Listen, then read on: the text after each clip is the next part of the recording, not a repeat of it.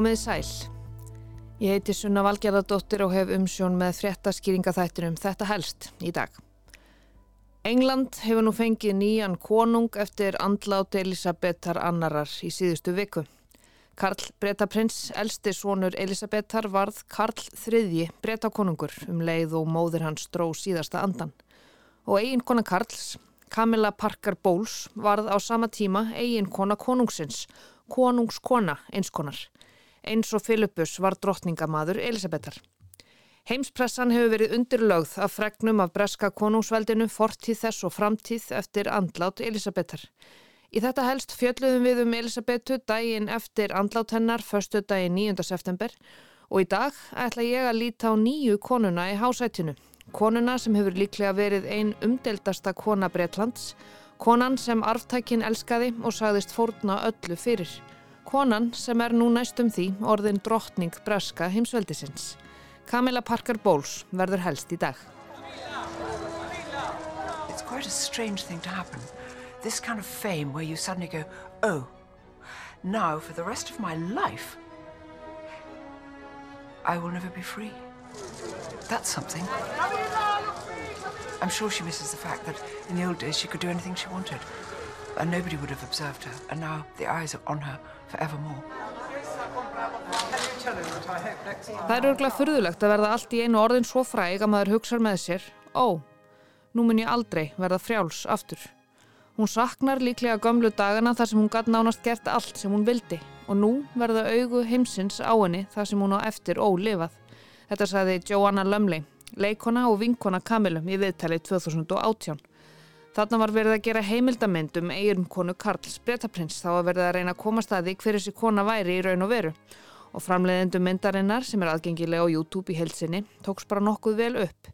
Myndin er endar ekkert voðalega gaggríninn en það er augljóst að Camilla ber af sér góðan þokka, hún er sjarmirandi og virðist vera nokkuð vel gerð manneskja að minnstakosti á skjánum. We ask, will the nation ever accept Camilla as our queen? The fact of the matter is that when Charles becomes king Camilla will be queen. Það var auðvitað yngum blöðum um þetta að fletta þannig séð. Camilla og Karl giftu sig 2005, hann var arftaki krúnunar og þegar hann erði kongur þá erði Camilla drottningans. Það er náttúrulega búið að fjalla óheirilega mikið um Camillu í gegnum tíðina. Ætla þetta sé ekki ein af mest umfjölluðu konum heims. Þá sérstaklega miða við það að hún er eiginlega fræg fyrir neitt nema það af hverjum hún varð ástfangin og hver varð ástfangin af henni. Camilla Rosemary Shand er fætt í London 17. júli 1947 og var því orðin 75 ára þegar hún varð eiginkona konungsins. Camilla átti mjög góða æsku. Hún ólst upp í efri millsettarfjölskeldu í Sussex og Kensington. Hún lærði í Englandi, Sviss og Fraklandi, allt eftir bókinni. Og árið 1972, þegar hún var orðin frambærileg ung kona, 25 ára og reyðu búin að ganga í hjónaband, varð hún ástfangin. Camilla og Karl Bretaprins áttu í stuttu en sjóð heitu ástarsambandi þarna snemma á áttunda áratögnum en það kom afskaplega fljótt í ljós að það myndi bara alls ekki ganga upp. Karl hafði öðrum skildum að gegna heldur en að vera dandalast með stelpu utan úr bæ.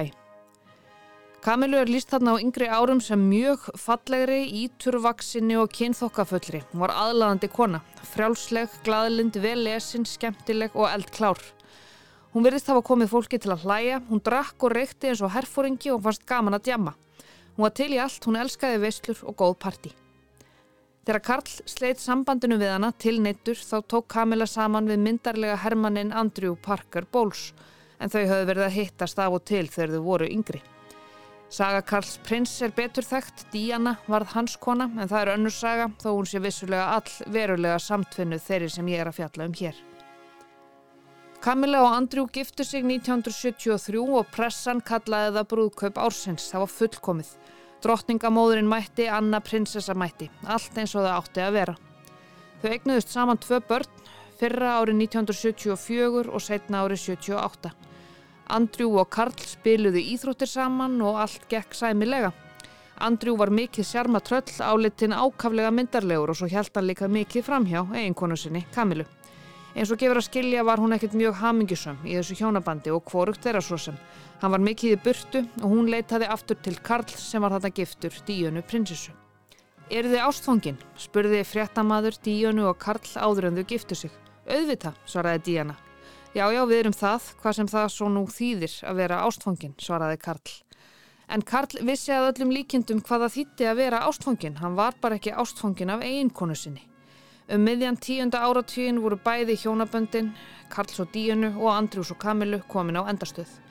Næsti áratugur átti eftir að verða flókin á margan hátt fyrir Kamilu og Karl en sviplegur döiði Díunu prinsessu í ágúst 97 átti eftir að leta allt þeirra líf. It will be very difficult for Camilla to step out of the shadow of Diana's life and more particularly Diana's death. Camilla mátti lengi þóla svívirðingar af hálfu bresku götublaðana þegar slitnaði upp úr hjónabandi Karls og Díunu fyrir allra augum. New York Times segir hanna og Karl hafa verið meðvituð um álit almennings og að þau þurftu að leggja á sig mikla vinnu til þess að lagfæra það og það hafi tekist að stórum hluta. Það er ótrúlegt að í dag skuli fólk óskaði um velfarnadar eins og staðan var árið 92 hefur New York Times eftir Ariane Chernok aðstóðar profesor við Boston Háskóla. Þetta segir í frétt Freyskíu Gunnarssonar á VF Rúf. Breska blaði Guardian segir konungssjónin eiga Mark Bólan almannatengsla fulltrúa mikið að þakka. Bólan er fyrverandi starfsmæður Karls og hefur valið þá atbyrði sem Kamila hefur tekið þátt í þannig að smátt og smátt fór afstæða fólks að mildast. En hlýðum nú á brotur sjómarpsfrétt rú frá árunnu 1995 þegar Kamila var valin verst klætta kona heims.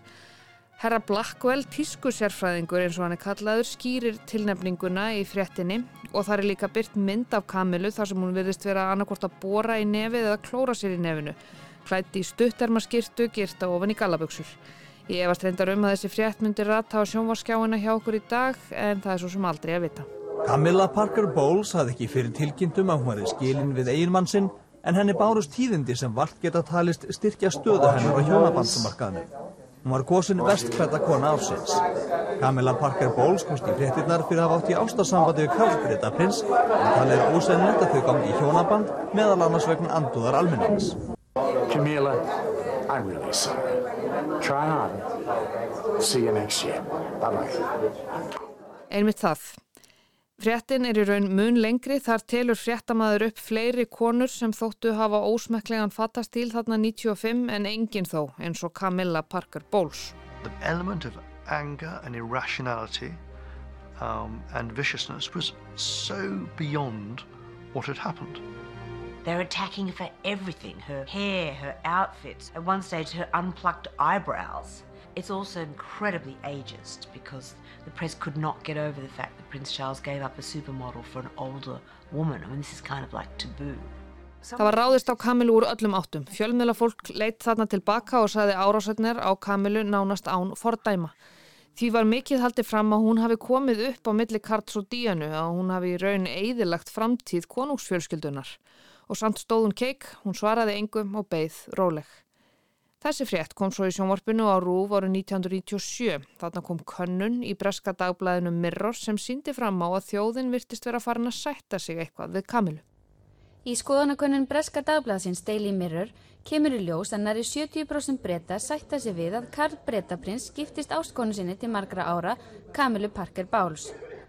Á morgun ætlar Karl að halda ástkonu sinni veglega veislu í tilefni 50 ammælis hennar og telja margir að hann sé að pröfa vatnið áður en hann dýfi sér ofan í. Ólíkt fyrir konu Karls þá er Camilla Parker Bowles afall létræg og kann ítla á fjölmila. Er jafnvel talið að nú séu þessir eiginleikar loksfarnir að vinna með henni. Árið síðar, 1998, hitti Viljálmur Prins, sonur Karls og Díunu, þá heitinnar, Kamilu í fyrsta sinn. Fundurinn kynnti mjög undir vangaveltur um að þau væru að fara að koma út úr skápnum þarna með sambandi sitt og þau gerðu það svo auðvitað á endanum. Nákvæmlega tíu árum eftir að Karl og Kamila fundu ástina á nýju örmum hvors annars. Fólk sem hafi raun verið ástfangið á hvort öðru í ára tíu á þess að meiga það og átta árum eftir að þessi frétt fór í loftið þá kynnti Karl breytaprins ástina sína opinberlega sem verðandi eiginkonu sína og þar með verðandi eiginkonu verðandi konungs. Þetta var árið 2005. Tonight they emerged as a couple soon to be wed. How are you feeling, ma'am? Um, all right. Just all right? I'm just, I'm just coming down to earth. Did he get down on one knee to propose? and just three months later, she married her prince. Hann kraup að sjálfsögðu þegar hann baðinnar, saði Kamila þarna við fjölmiðla. Hún giftist draumaprinsinum svo 9. apríl 2005 sem var síðar dánardægur pappa Karls, Filippusar prins, sem lést þennan dag 2021. En þetta verðist vera skrifað í stjórnurnar, brúðkaup þessa fólks og vinir þeirra eru sammála um að þau séu ástfangin upp fyrir haus. It really is a match made in heaven. I'm more than slightly envious myself. Do you know what I mean? They are madly in love. This is a love story that has passed the test of time. It's a great love story in, in, in every way. Þau eiga vel saman, þau hlæja saman, þau ferðast á sama hraða. Þetta er ástarsaga sem hefur staðið tímans tönn, heyrist í vinnum þeirra. Þau samalast um að þegar hún giftist Karli þá hafa hún kannski haldið að ekkert myndi breytast. Kannski örlíti fleiri matarbóð en annað ekki. En annað kom svo auðvitað á daginn. Lífinar gjör breytist. Til dæmis þurft hún að fara í margfalt fleiri opimbjörar heimsóknir hingað og þangað um heiminn en áður og Kamila ver nú mestum tíma sínum í ferðalög bæði innan Breitlands og svo um allan heim eða gerði það að minnstakosti áður hún hækkaði all hressilega í tekni í síðustu viku. She's traveling a lot. She hates traveling. She's terrified of flying. And every other day she's in a helicopter or a plane. She's all over the place. She doesn't like the heat. She hasn't taken on the easiest job. It's quite tiring. It was a very long day. Hún þólir ekki ferðalög, hún er flugrætt en hún er nánast alltaf á ferðinni, stundum daglega í þyrlum eða flugvilum, segir vinkona Kamilu. Þetta er ekki auðveldasta starf í heimi sem hún réð sig í. Kamilu Parker Bowles líður best í sveitinni úti í náttúrunni með hundunum sínum. Þau sem eru nákomin henni segja að ef þú ætlar að vera nánast daglega í kringum mörg hundruð manns á endalösum ferðalögum þá þarftu að eiga þér atkvarf sem þú getur leitað í. Út í sveit, þar sem þið líður vel. Dumfries House glæsi villa í Skotlandi sem Karl kifti dýrum dómum og gerði upp fyrir nokkrum árum er eftirlæti staðurinn hennar. Prinsinn tók reyndar út 20 miljóna punta lán til þess að bjarga setrinu frá eðurleggingu. Camilla var sannfærið um að það væri reynd í húsinu, henni leið ekki vel þar á meðan það var í niðurnýslu en ver nú öllum mögulegum stundum þar sem hún á aflögu. Þær eru reyndar ekki margar, þær stundir en þær eru einhverjar. Kamilu þykir óskup vænt um hundana sína og talar um það í viðtölum hvaða gerir mikið fyrir hana að hitta þá aftur eftir laung ferðalög. Þeir eru alltaf ánaðir að sjá þig og þeir svara þér aldrei og það er gott. Og nú í byrjun ás tilkynnti drottningin heitin að Kamila hliti ingöngu í sokkabandsregluna fornu og það er einhver aðsta heiðustegn sem hljóta má þar í landi. Þau sem tilheyra reglunni hljóta nafnbótina rittari og lafði en öll börn Elisabetar drottningar eru hluti þessarar eldstu rittarareglu heims ásand Vilhjálmi prins, seni Karls og Díunu. Engin af mökum hinna konungbornu tilheyri reglunni utan Kamilu. Það var konungurinn Játvarður þriðji sem stopnaði sokkabandsregluna árið 1348 og þau sem tilheyra reglunni koma saman í Windsor kastala í júni hvert ár í klætt heiðurs skrúða með fjadraskúfi hatti. Og um miðjan mæ síðastliðin kom tilkynningum að Kamila og Karl myndu vera gestaleikarar í sápunni vinsælu Íslanders eða Östurbæingum sem voru síndir á rúf hér sent á nýjönda áratögnum.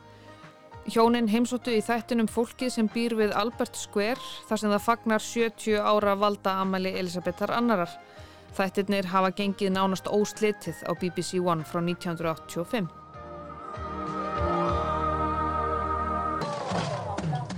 A drop a day keeps the doctor away. so I've tried that in Trinidad. You've tried it in Trinidad? Pretty good. Camilla Parker Bowles er í dag eigin kona breyta konungs, tveggja barna móður og amma, fimm barna barna. Hún er sáð góð amma, barnabönnin kallana Gang Gang. Hún fer reglulega með þau í leikús og ver eins miklum tíma með þeim og hún getur. En það er svo sem ekkert mikill tími sem hún á aflögu því að áður en hún varð konungskona þá sótti Kamila um 300 viðburði á ári hverju sem hún þurfti annarkort að halda eða vera viðstöld.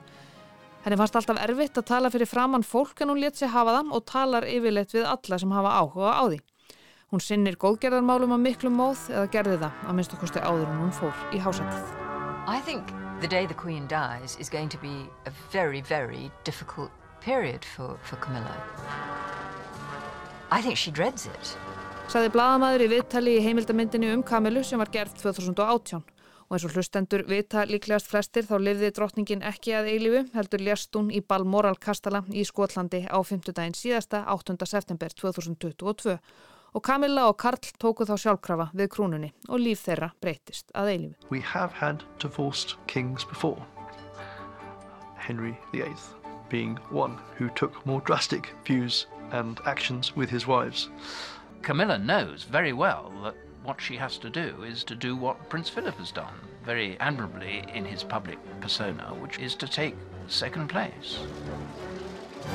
Þetta er ekki fyrsta sinn sem við erum með fráskilinn konung, segir bladamæður. Hinrik áttundi til dæmis, þó að hann hafi tekið aðeins öfgakendari skref með sínar konur en að skilja við þær. Og önnur bladakona bendir á að Camilla viti fullvel að nú verði hún að gera það sama og Filipus drottningamæður gerði, setja sjálfa sig í annarsætið og eftir krúnunni, fórna sér fyrir konungin. Og með þessum orðum ætla ég að segja þetta gott af konungskonunni í Buckingham höll. Það verður vist fjallað um hana víðar en hér á næstu dögum, vikum, mánuðum og árum. Takk fyrir að leggja við hlustir og við heyrumst aftur á morgun.